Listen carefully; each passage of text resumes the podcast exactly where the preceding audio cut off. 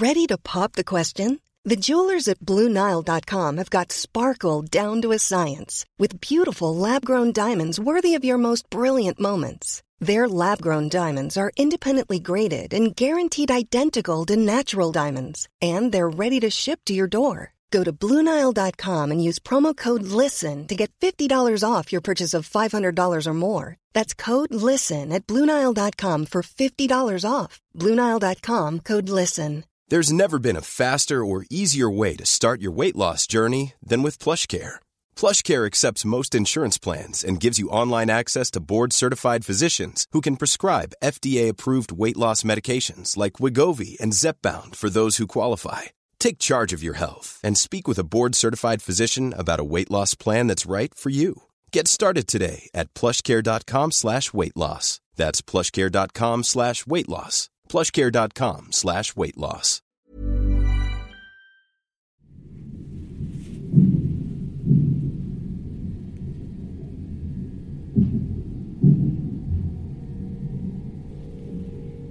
Hej och välkommen till Vandra med Henrik. Idag är jag på Naturhistoriska museet i Stockholm.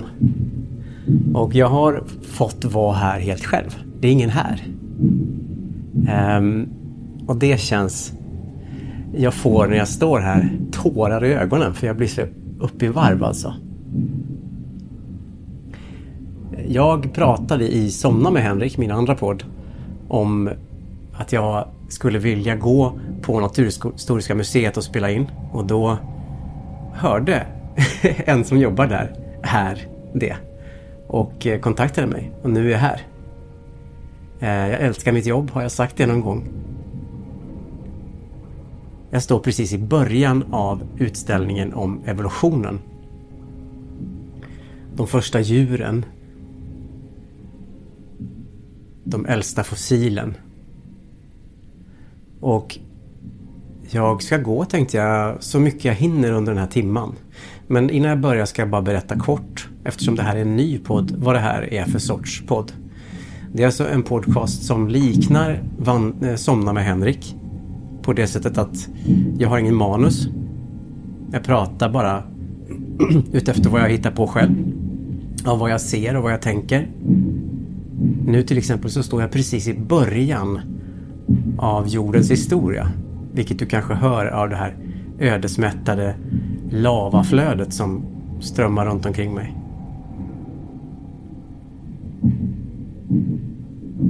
Du kan använda dig av den här podden som du vill. Det är ju en form av anti-innehåll det här, precis som Somna med Henrik. Du kan lyssna på det när du ska somna. Du kan lyssna på det om du vill distraheras och komma bort från dina egna tankar en stund. Eller så lyssnar du för att du tycker att jag är en underbar och underhållande människa. Nu står jag och tittar på gamla stenar som har hittats i Zimbabwe och Australien. Stromatoliter som bildas av bakterier som växer på havsbottnen. De är gråa, orangea och djupt gråsvarta och skrovliga. Jag lämnar den allra första delen av utställningen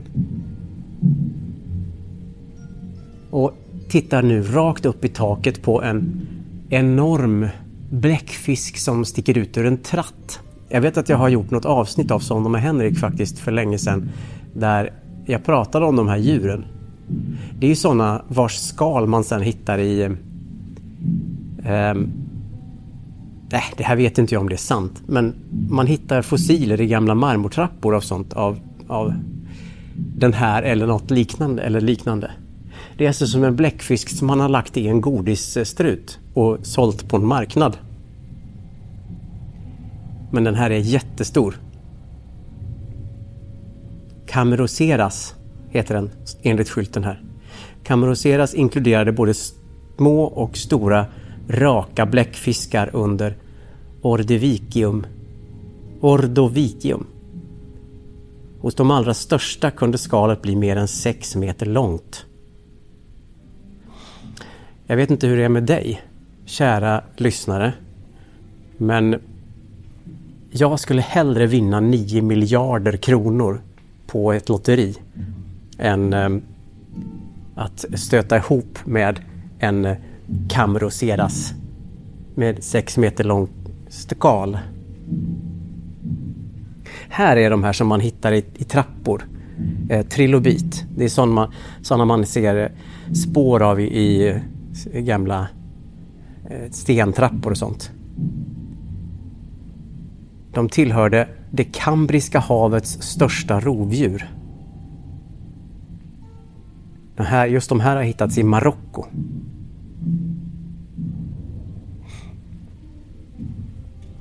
Jag rör mig lite inåt här, en sväng. Jag vill ju gärna hinna med hela utställningen. Oj, vad är det för ljud?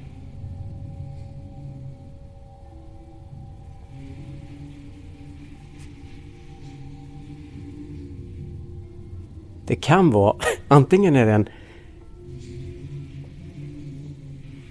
en någon som borrar eller så är det en dinosaurie.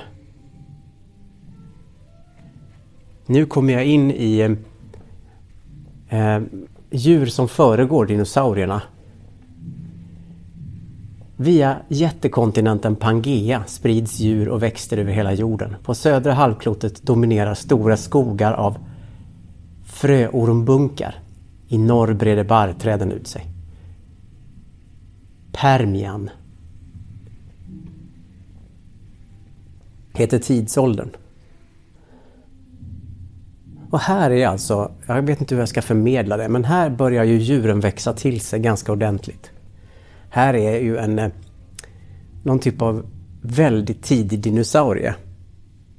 Du vet en sån där som har en sån jättestor kam på ryggen.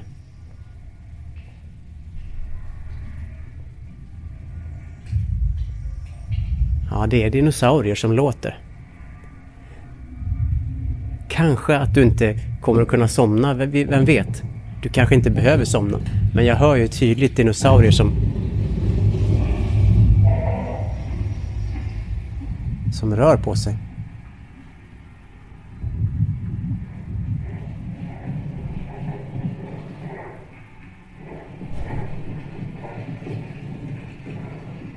Jag föreställer mig en tid när det här var liksom ljuden. Framför mig nu så är det alltså en jätteödla. Den går på två ben och den har väldigt eh, väl tilltagna ben. Jag ska se, eh, skylten framför här är släckt. Men jag ska se om jag kan få på den. Det här är en iguanodon. Iguanodon. Hoppas jag uttalar det rätt. Den är alltså säkert eh, sex meter hög. Tänk dig att möta en sån här.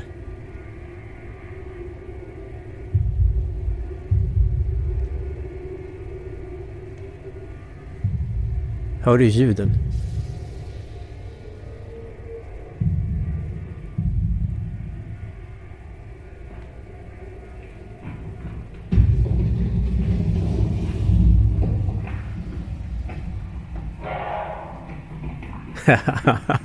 jag blir faktiskt lite skraj. Jag är ju här helt själv. Man glömmer ju det. Eh, och här, nu, nu är det faktiskt eh, en, en uh, Tyrannosaurus rex här framför mig. Ett skelett.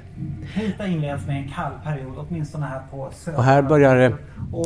nu börjar han meteorologen på, jag går vidare för det kändes så odramatiskt. Nu börjar han meteorologen på nyheterna prata om eh, klimatet under de olika tiderna. Alltså, jag har inget emot den informationen men det kändes så osagolikt just nu när, han, när jag var så här mitt i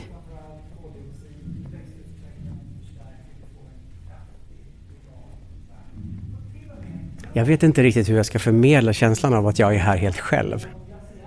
Alltså i denna enorma byggnad som då ligger eh, ja, ut, lite utanför stan liksom. Eh, Haga va, typ. någonstans. Jag är dålig på om det är den exakta. Alltså om man åker tunnelbana till universitetet så kan man gå in i den här jättebyggnaden. Och jag har alltid undrat vad gör de här inne? Alltså, är det bara museum? Det är en jätte, ett jättehus. Men då fick jag veta att de forskar ju här också. Eh, naturligtvis.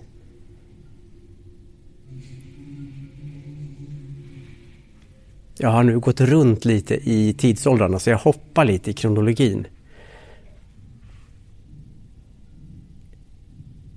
Ammoniter är en sorts bläckfisk med skal. Ofta är de spiralvridna. Men det fanns också arter med raka och oregelbundet vridna skal. Ammoniterna var mycket vanliga under juraperioden. Och nu tittar jag ner här i en monter framför mig och det är en, två, tre, fyra, fem, sex, sju, åtta, nio, tio, elva. Det är alltså en hel en hel uppsjö av eh, snäckskal. Eller inte snäckskal, bläckfiskskal. De har hittats i Tyskland, i Frankrike och England. Och de är ju som eh, prydnadsföremål. Och med tanke på att de här prydnadsföremålen låg där på havet botten långt innan det fanns någon som kunde sitta på dem och säga Gud vilken fin form! Vilka regelbundna intrikata mönster!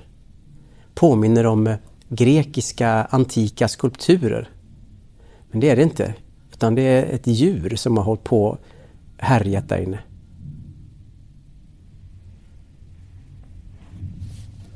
Eftersom det är riktigt fuktigt klimat. Mycket nederbörd. Däremot torrare in över Vad heter han? Per tror jag han heter. Han med lite längre håret. Ar eh, arkeologen höll jag på att säga. Meteorologen. Nu är jag bakom den jättestora T-rexen. Och man ser ju rätt upp i ändalykten på den. Förlåt, jag menar inte att vara respektlös men men det, det, är ju en av nackdelarna när man är avklädd till skelettet. Det är att man, eh, man blir ju full Monty så att säga. Eh, det här kanske inte är någonting som bekymrar just den här T-rexen eftersom skelettet antagligen är en avgjutning av ett faktiskt skelett. Oj! Här är en sån svanödla, tror jag de heter. Jag bara chansar nu för jag har ingen aning. Eh, jag måste kolla och se om jag... Här, den heter ju Talasomedon. Alla vänner av riktig dinosauriekunskap skriker och vrider sig nu i oändliga plågor. Men jag ber att få påminna om att det här är ju inte en podd som på något vis ska förmedla faktiska fakta utan mer att förmedla en stämning hur det är för mig, Henrik Ståhl, en avdankad före detta barnprogramledare som går omkring här på ett museum alldeles för sig själv. Vem, vem tog beslutet att låta mig få leva det här livet? Jag menar, det, jag förstår inte vad jag har gjort för att eh, jag ska få ha det så här bra. Nu går vi vidare. Nu går vi in i utställningen Den mänskliga resan. Vad är en människa? Vilken är människans plats i naturen? Hur blev vi människor? Det ska vi få veta här.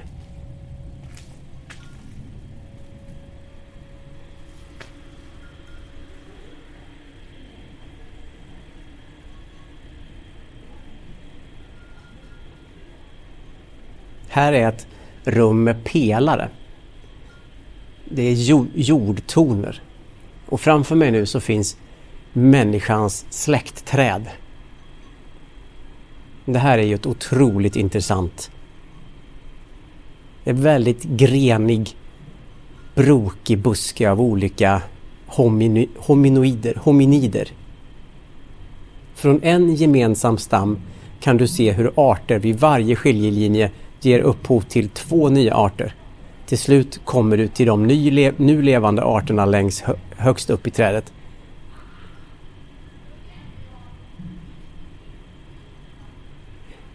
Det är alltså eh, så mycket högtalarljud här så ibland vet jag inte om det är en del av utställningen eller om det är någon som faktiskt har jättekul här bakom kulisserna, skrattar och pratar. Så det jag ser är alltså porträtt av olika människoapor och längst upp i en av förgreningarna så ser jag Homo sapiens som är du och jag. En gren bort finns neandertalarna. Och ytterligare en gren bort finns eh, Denisova-människan. Det finns en, en uppsjö av olika varelser här som har liknande drag. Vi har ju schimpanser och bonobo-apor här också. Men vi skildes ifrån deras släktträd för typ 6 miljoner år sedan.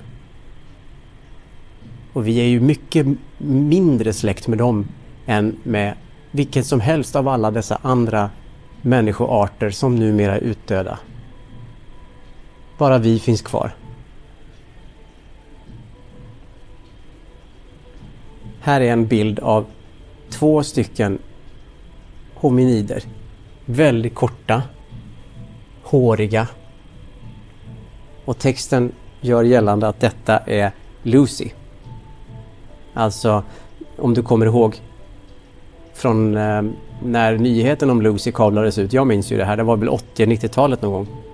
Det är ett 3,2 miljoner år gammalt fossil som tillhör Au Australi... Ja oh, gud, alla de här latinska... Australopithecus afarensis. Hon är alltså... Eh, Lucy är alltså lite kortare än jag. Jag är 1,72. Den första familjen. Den mest berömda människofossilet är Lucy. Lucy är ett skelett som hittades i Afarområdet i Etiopien år 1974. Ja, då var jag inte ens född. Så då har jag läst en annan artikel när det släppte. Det är alltså 3,9 till 2,9 miljoner år sedan. Här är det ju väldigt svårt att se spåren av människa.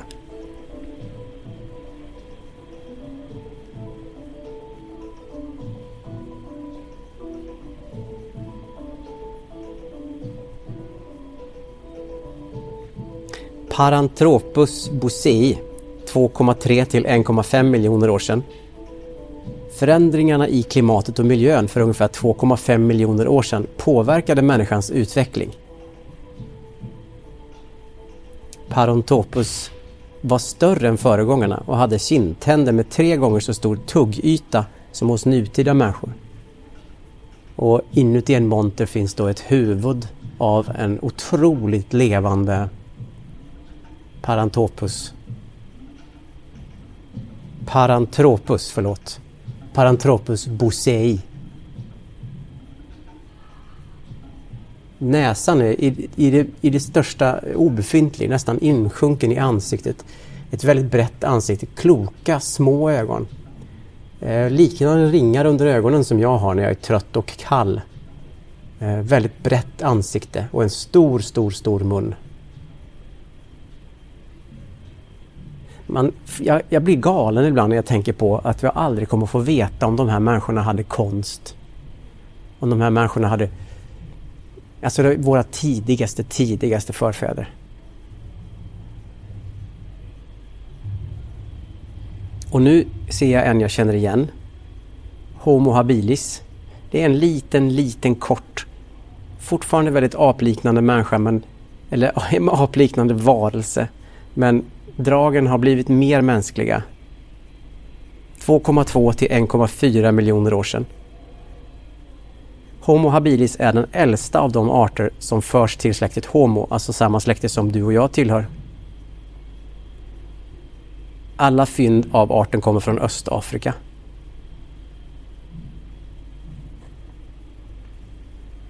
De är ju, det är en väldigt liten varelse. Men här börjar man ana, tycker jag, något som jag känner igen.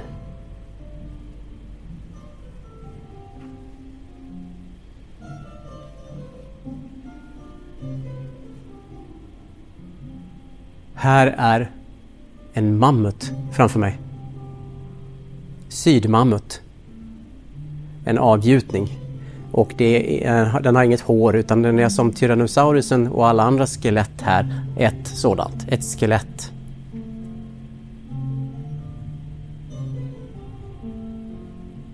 Det är ju en otroligt stor varelse. Mycket större än elefanter man möter. Sa han självsäkert utan att för, för den skulle ha någon som helst aning om exakt mått på en elefant. Det är viktigt att komma ihåg här nu att även om jag kan verka som att jag vet vad jag pratar om så vet jag inte det. Det är fint med alla skallar som hänger bredvid varandra. Homo sapiens, du och jag, tätt intill ett, en skalle av, av Homo neanderthalensis, som neandertalarna. Illustratoriskt nog så är eh, neandertalarens skalle trasig och patinerad medan Homo sapiens-skallen i något slags försök att illustrera våra respektive eh, existensformer, det vill säga existerande och icke-existerande, eh, är alldeles eh, fresh, nyborstad.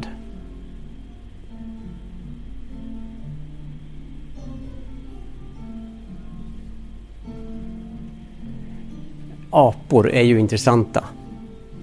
Alltså vi är ju släkt med dem men ändå har vi ju tagit avsked från det, den delen av släktträdet för många, många miljoner år sedan. Och det är intressant vad vi har valt att ha kvar, eller valt, men vad evolutionen har valt att ha kvar respektive vad vi, vad vi har blivit av med. Stora hörntänder till exempel. Alla de här apskeletten jag tittar på nu, de har ju jättestora hörntänder. Men vi, Homo sapiens, vi, vi står här med våra små sorgliga ursäkter till till hörntänder.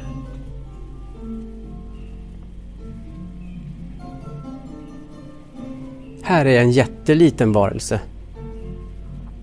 Florensmänniskan. Nej, inte Florens. Förlåt. Flores. Flores. Det här, det, är inte, eh, det här är inte den italienska staden Florens utan Flores.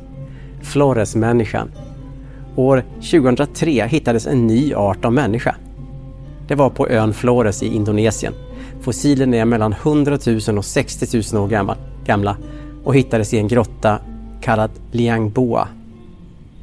Den nya människan var cirka en meter lång och hade en hjärna på ungefär 400 kubikcentimeter.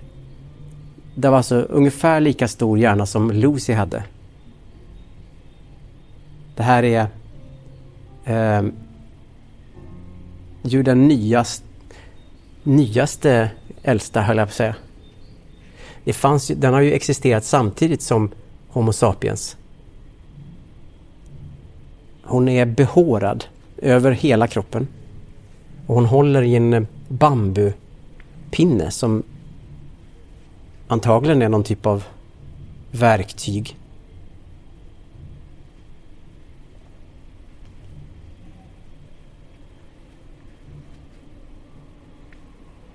Ja, jag går till... Eh, nu går jag hit. Nu går jag hit. Så, bara så du vet var jag går.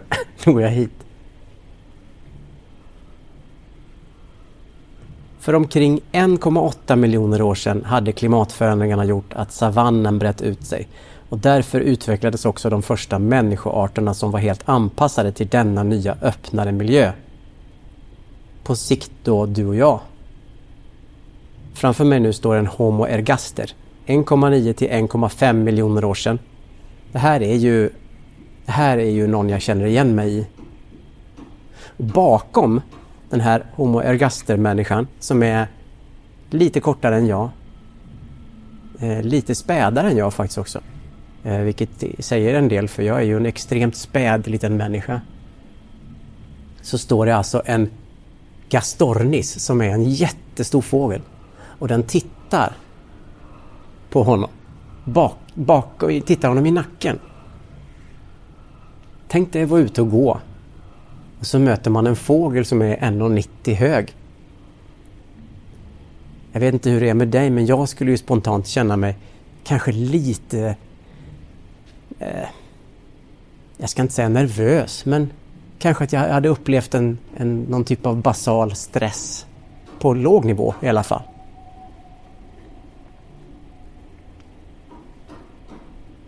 Och här är en hel familj framför mig nu. De första européerna, neandertalarna, de som var här när vi kom hit. Det var de första som klarade sig att leva i Europas kalla klimat. De, var, de är kraftigare än alla andra jag hittills har sett. De är inte lika finlämmade som de jag hittills har tittat på. Och de dog ut för så tidigt som 38 000 år sedan. Och det var väl av allt att döma vårt fel. Det är en man, det är en kvinna och det är ett barn. Och framför sig har de en syl, en kniv och en hammare av flintsten. Mannen bär på ett bytesdjur. En, eh, en, eh, ett, ett djur. Jag kan, jag kan säga så, så långt att det är ett djur utan att, att överdriva på något vis. Och så kommer vi och nu står jag framför en avbildning av en människa. De, de är verkligen fantastiska de här skulpturerna.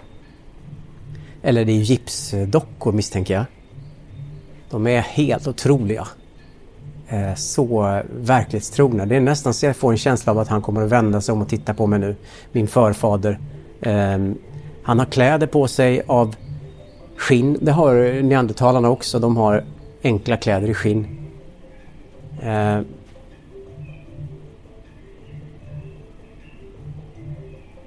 han står med ett träspjut som han har gjort och siktar på någonting.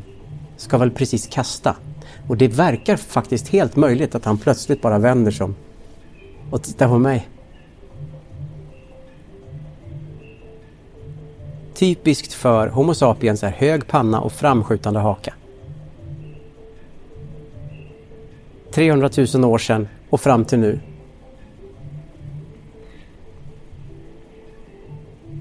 Och till den här musiken och till ett eh, skelett av en jättehjort som kunde bli två meter till manken.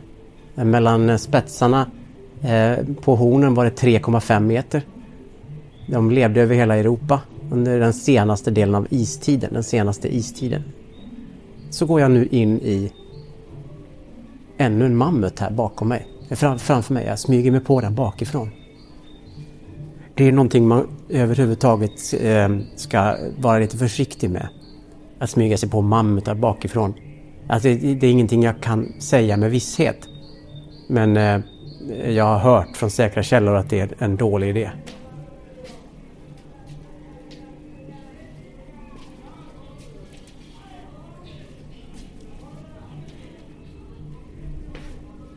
Här är, står det lite grann om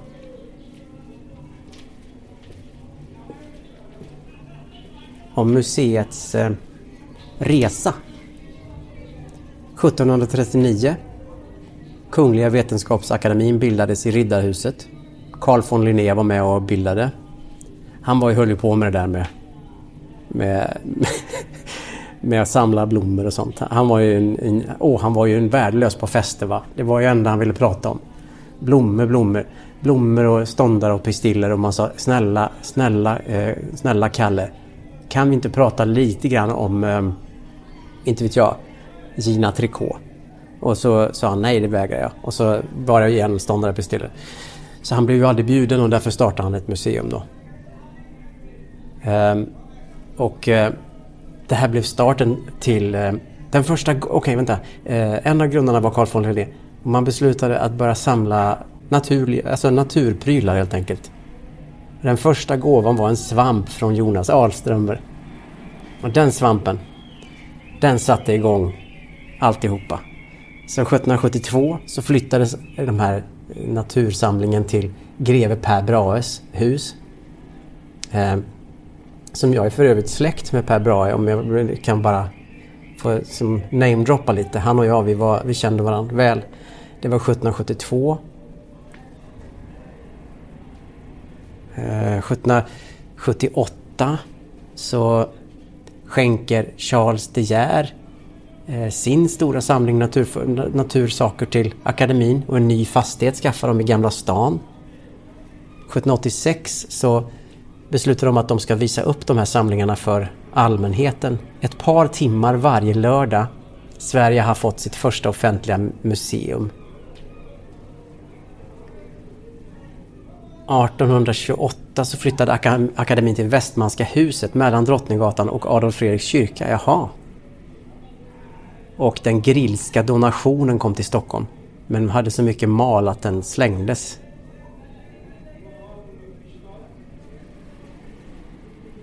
1841 fick Naturhistoriska riksmuseet sitt, först, sitt eh, nuvarande namn.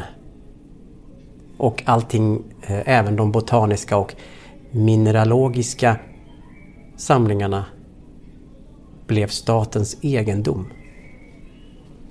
Och så, 1916, så byggdes det här huset som jag går omkring i nu helt själv. det är fortfarande helt vansinnigt. Om du undrar vad det är som låter, folk, folk och fä och ljud och fåglar och sånt. Så är det faktiskt en liten del av utställningen som handlar om souvenirer. Och det är någon typ av installation där man vad man handlar och hittar eh, när man är på semester i ett annat land och vad som händer när man kommer till tullen i Sverige. Så det är ju ljudet av en marknad du hör här.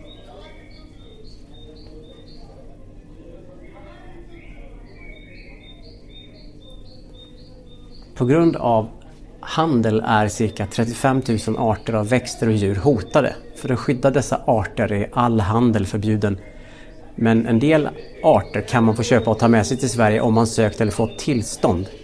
Okej, okay, så det här berättar om vad som händer om man till exempel köper en orm i en flaska. Alltså en död orm i en flaska. Eller en fjäril som är uppsatt um, bakom en ram när man är på semester i ett annat land. Och naturligtvis pälsar från utrotningshotade djur. Elfenben.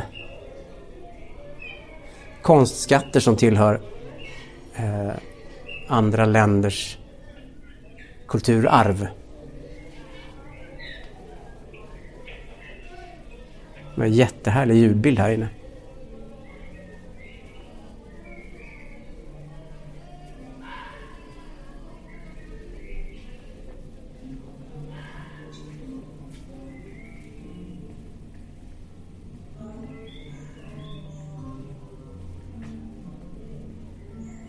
Livets mångfald heter det här stället. Åh, vad mysigt det är med sånt där trägolv. Ska se om du hör när jag går på det.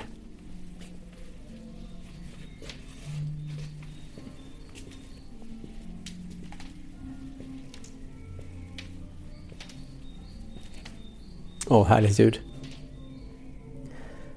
Det är trägolv och lite så gammaldags eh, glasskåp. Som i kemisalen eller i biologisalen i min gamla högstadieskola. Gamla skolskåp liksom. Och här finns ju då fåglar och gnagare av allehanda slag. I, utan inbördes ordning. En eh, brun kiwi. Så himla fina fåglar alltså. eh, googla. Fåglarna i det här rummet är uppställda som i de äldre systematiska utställningarna, det vill säga efter deras inbördes släktskap. Skillnaden är dock att de grupperats enligt dagens systematik. Med hjälp av DNA så har forskarna fått en bättre förståelse för hur, hur de egentligen är släkt med varann. Och det är nog fåglarna jätteglada över. En hjälmkausar. Stor fågel. En eh, gampärlhöna. De ser ju ut som att de går på röda mattan på någon modeshow liksom. Alltså på någon jätte-edgy grej i Paris. Där folk sitter och säger oh, he did it, he absolutely did it this time, didn't he? Och så kommer gampärlhönan med sitt, sitt eh, blåa plyte sin eh, märkliga behåring precis innan skalpen börjar och sin svartvit, blå, grå, spräckliga fjäderdräkt. Dalripa. Berghöna. Gråhalsad chakalka. Chakalka. Gråhalsad guan. Magellangås, mandarinand. Gud vilka namn. Gråhuvad blåkråka. Och en blåhuvad markblåkråka. Jag ser för mig hur eh, man ska presenteras på en släktmiddag liksom.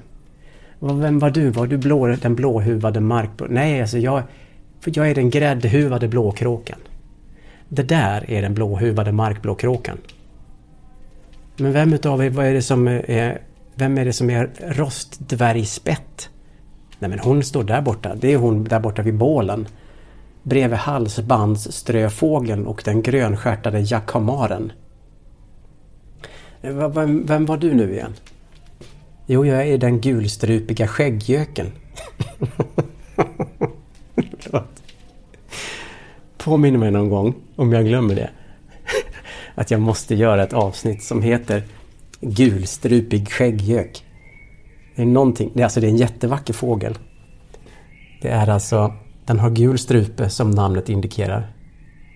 Och den har rött huvud, gulgrön näbb och en grön rygg.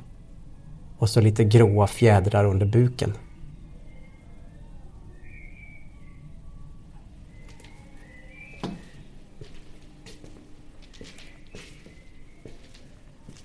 Här är en fågel som jag tycker är lite läbbig faktiskt. Eh, träskonäbb är det svenska namnet. Eh, de, är, de finns ju kvar i världen. Eh, de är, alltså sök på, de, på engelska heter de shoebill. Alltså de är helt eh, eh, otroliga. De ser skrämmande ut och, och de är ju så höga. Den är ju nästan lika lång som Nej, inte som jag. Men den når mig till bröstet typ. Den skulle nog kunna spöa skiten ur mig om jag ska vara helt uppriktig. Och det ska jag ju, för det här är ju min podd.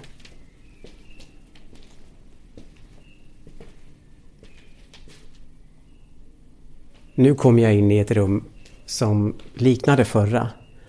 Men har eh, en suni. Så ett litet rådjur ser det ut som. En sorilla som ser ut som en skunk typ. Ett rödbrunt musöra och det är en fladdermus. En dvärgnäbbmus, en öronigelkott och en långörad igelkott. En östlig chipmunk. En nordlig piphare. En vattensork. Ett kappiggsvin. En pälsfladdrare det är jag. Jag är en pälsfladdrare. Paradisfågel.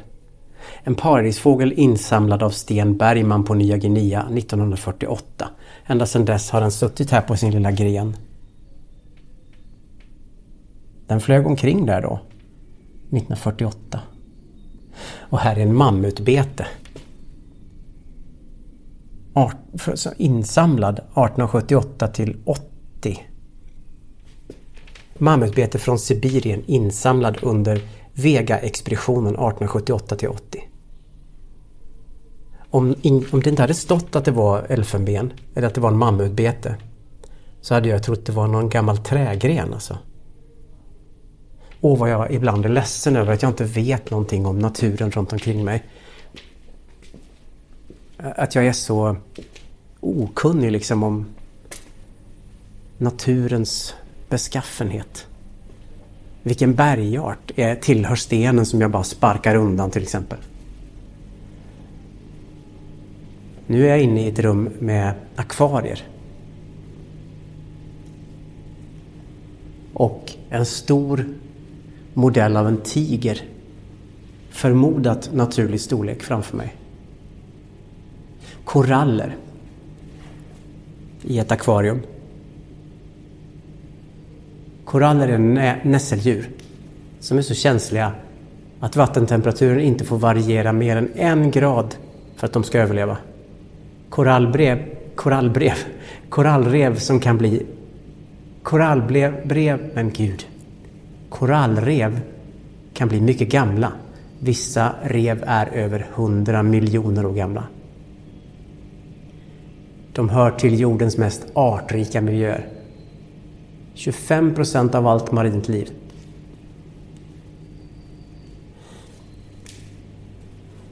Man blir ju lite skakig när man tänker på det. 25 procent av allt. Vad stod det?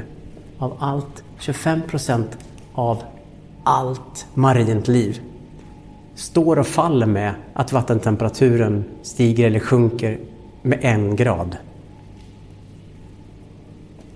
Då blir man lite nervös. Men det blir vackert också på något sätt. Det finns ju någonting förtvivlat i det där som är också lite poetiskt och snyggt. Utifrån ett berättarperspektiv menar jag. Det kanske inte är så jättekul att vara själva korall...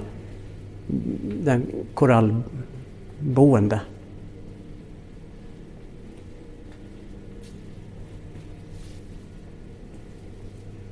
Här är en eh, fullstorlek eh, modell av Carl von Linné. Om man inte känner namnen är kunskapen om tingen värdelös, sa Linné. Och det hade han ju rätt i. Och det var ju så nästan som att han talade till mig hundratals år senare. Ehm, för jag vet ju inte namnen. Och kunskapen om tingen är därmed värdelös. Här går jag och killgissar. Alltså vilket slöseri egentligen. Man kunde släppa in en person som hade verklig kunskap om tingen, tingens namn här istället för den här eh, slafskonstnären Henrik Ståhl. Men jag är väldigt tacksam. Jag är väldigt glad. Det är spännande för några av de här uppstoppade djuren. Eh, den här till exempel eh, eh, leguanhannen Eh, eh med flera, det är flera här. De, de, några av dem, åtminstone i föregående rummet om livets mångfald, så är ju en del av de uppstoppade djuren är ju riktigt gamla, alltså från 1870-talet.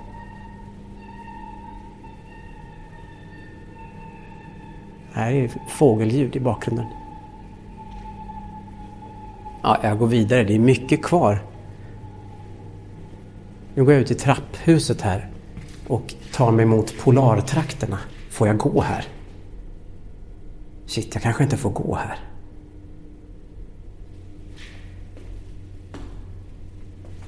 Äh, jag går här.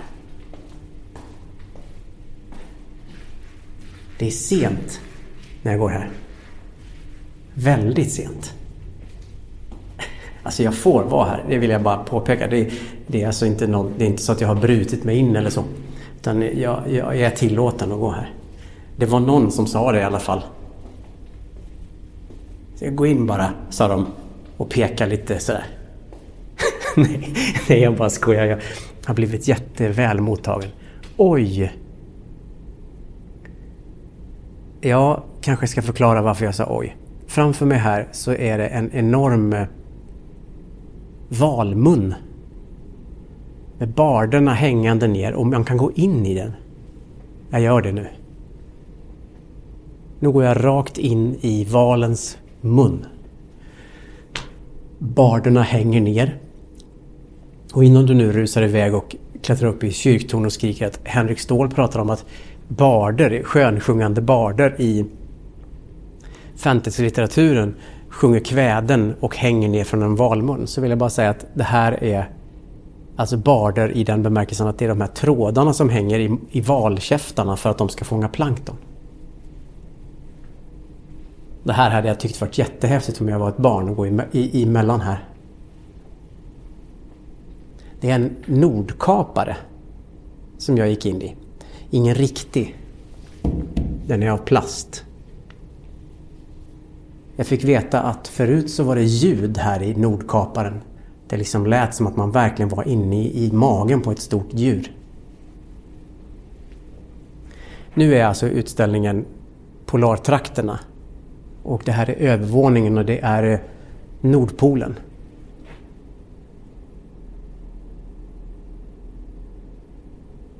Knölvalar, när de vill säga saker till varandra, då hoppar de. Sen slår de med bröstfenan i vattnet och så slår de med skärten.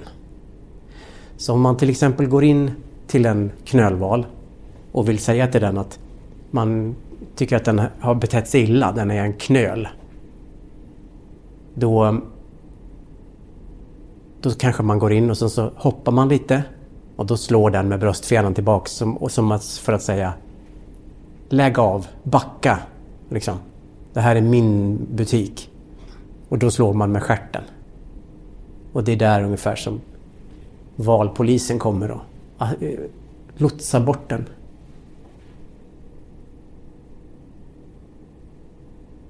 Kaskelotter är väldigt sociala valar. De simmar runt varann. De sover tillsammans. Stående lodrätt i vattnet. De nosar på varandra.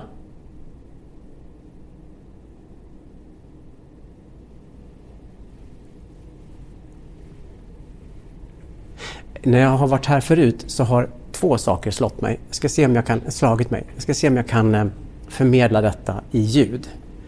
Ehm, man börjar ju med att gå här. Då går man nu in eh, och så tittar man på eh, den början av livet. Liksom.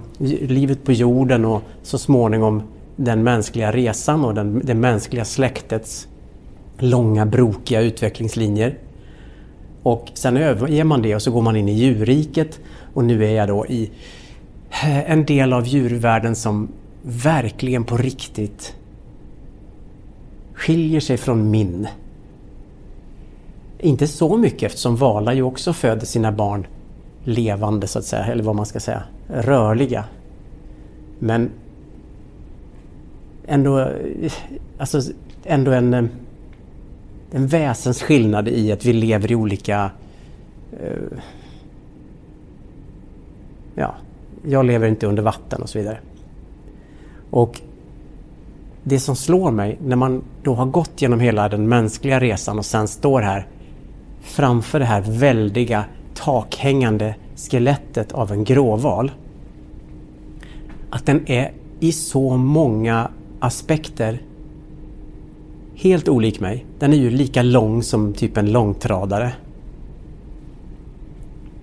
Men den är ändå lik mig revbenen, skulderbladen, ryggraden, nackkotorna. Det är ju mitt skelett egentligen. Fast det är mycket större och har en annan sorts fysiologi runt truten. Och att den väger 35 ton och att den kan bli typ urgammal, höll jag på att säga. Jag vet inte om det är gråval, grönlandsvalar som kan bli riktigt gamla va?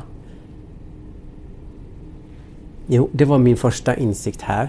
Sen ska vi se om jag hittar den andra insikten. Det kan vara så att den är där nere på andra våningen i Sydpolen. Jo, men för jag brukar alltid... Alltså det, jag tror inte att det går att förmedla. Eh, det är jättefina eh, montrar här. De känns som verkliga. Man går, kan liksom gå in i, i det här, de här lite tundralandskapen här. Där eh, flyttfåglarna står i den karga naturen och, och typ verkar trivas apbra. Alltså lika bra som en apa trivs i ja, en ap, applats. Även isbjörnen här är otroligt naturtrogen. Den står helt stilla med tanke på att den är en modell då, en avbildning. Och framför den står en liten eh, Ja, en vit fågel, oidentifierad. En vikare. En liten vikare. Och de eh, har ett tyst samförstånd. Jo, det är en valross här som ser ut som att den har slagit i tån. Men eh, jag hittar inte den nu. Jag undrar om den är där nere kanske. Det är verkligen otroligt eh, spännande montrar här. De är naturtrogna. Det finns också en här borta med myskoxar som bråkar med en, eh, en eh, varg. Eh, eller det är väl vargen som bråkar med dem kanske man ska säga. De försvarar sin kalv. Och det ser ut som att det är en händelse fryst i tiden. Som att det är ett tredimensionellt fotografi. Det är verkligen otroligt. Eh, gud vad jag, jag, jag respekterar människor som har det här som jobb att åter, återspegla, att gestalta natur på det här sättet.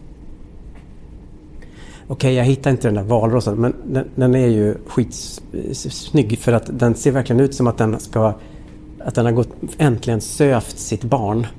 Barnet har somnat äntligen och så ska den smyga ut utan att väcka barnet.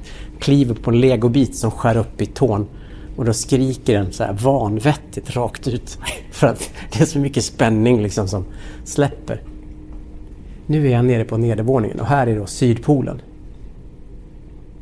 Och här är det pingviner. Nordenskiölds jättepingvin, en utdöd art, levde på Antarktis för 40 miljoner år sedan och är lika stor som jag. Hej jättepingvinen, som inte längre finns.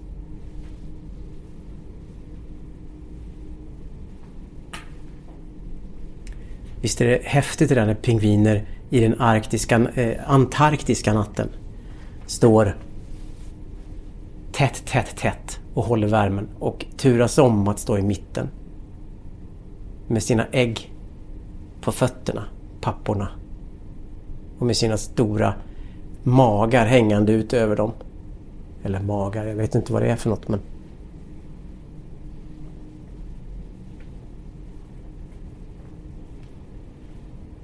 Här är skelettet av eh, en grönlandsval, ja. Det är de som kan bli så himla gamla.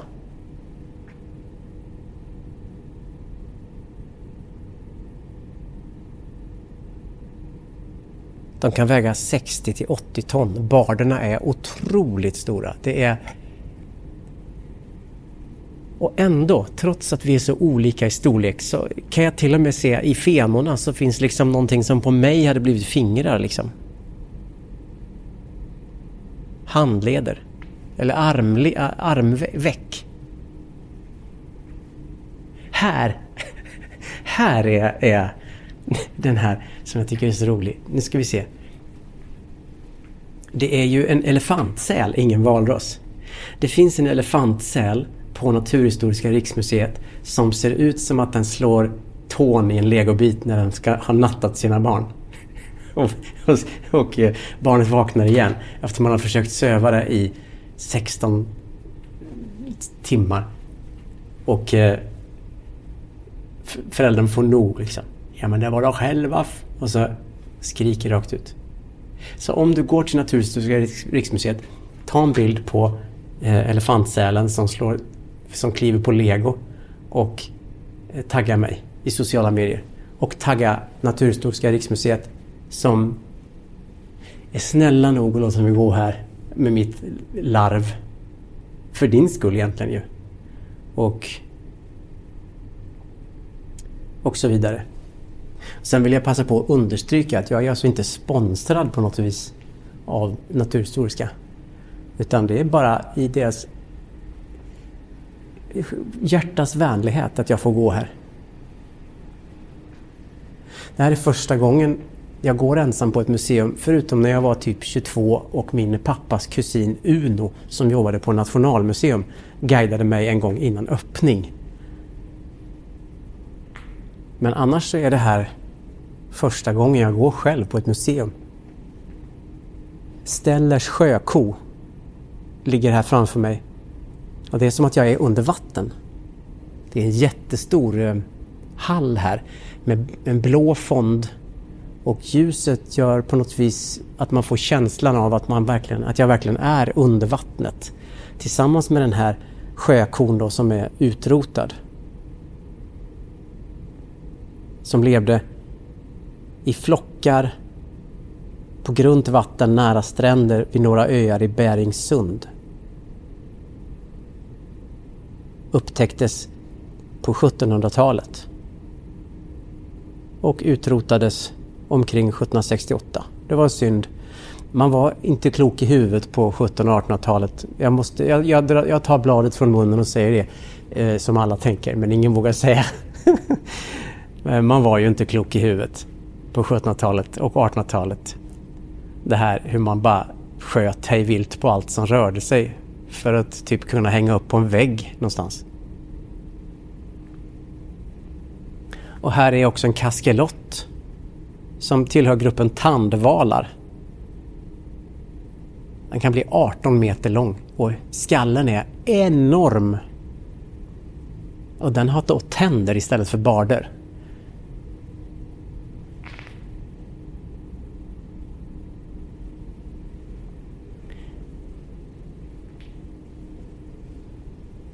Okej. Okay. Jag stannar här.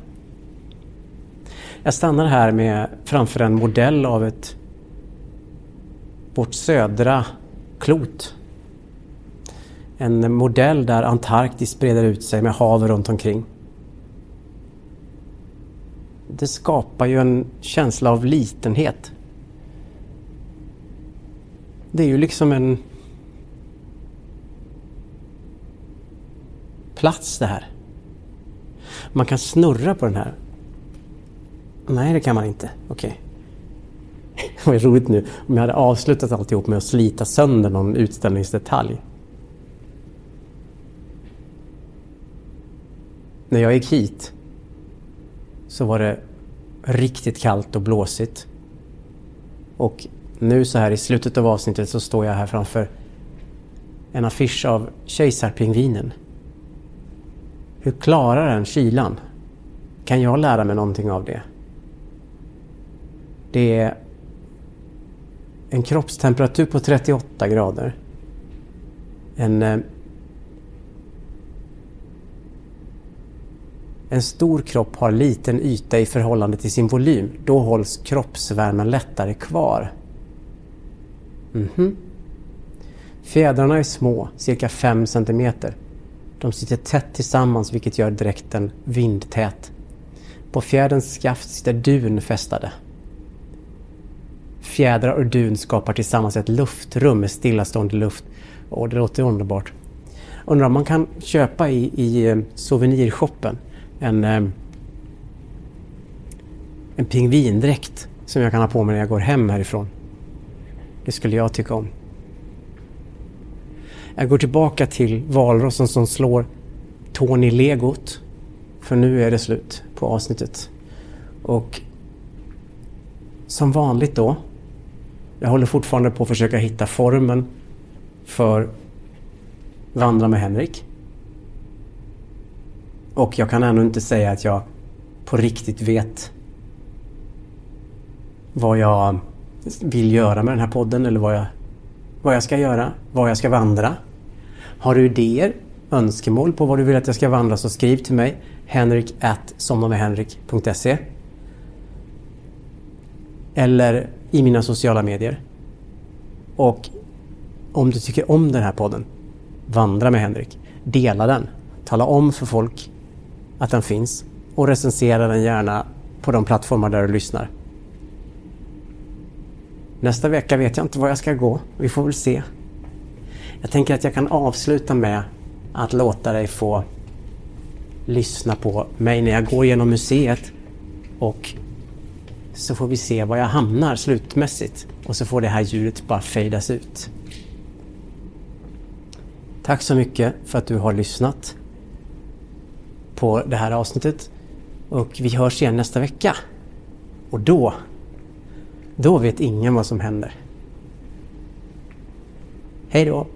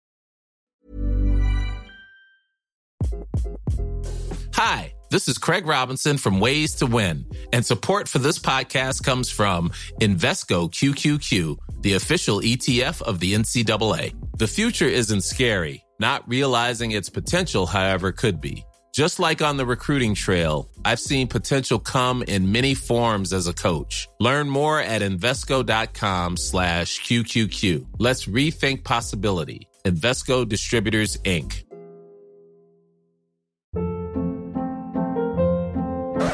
Hold up. What was that? Boring. No flavor. That was as bad as those leftovers you ate all week. Kiki Palmer here, and it's time to say hello to something fresh and guilt-free. Hello Fresh. Jazz up dinner with pecan-crusted chicken or garlic butter shrimp scampi. Now that's music to my mouth. Hello Fresh. Let's get this dinner party started. Discover all the delicious possibilities at hellofresh.com.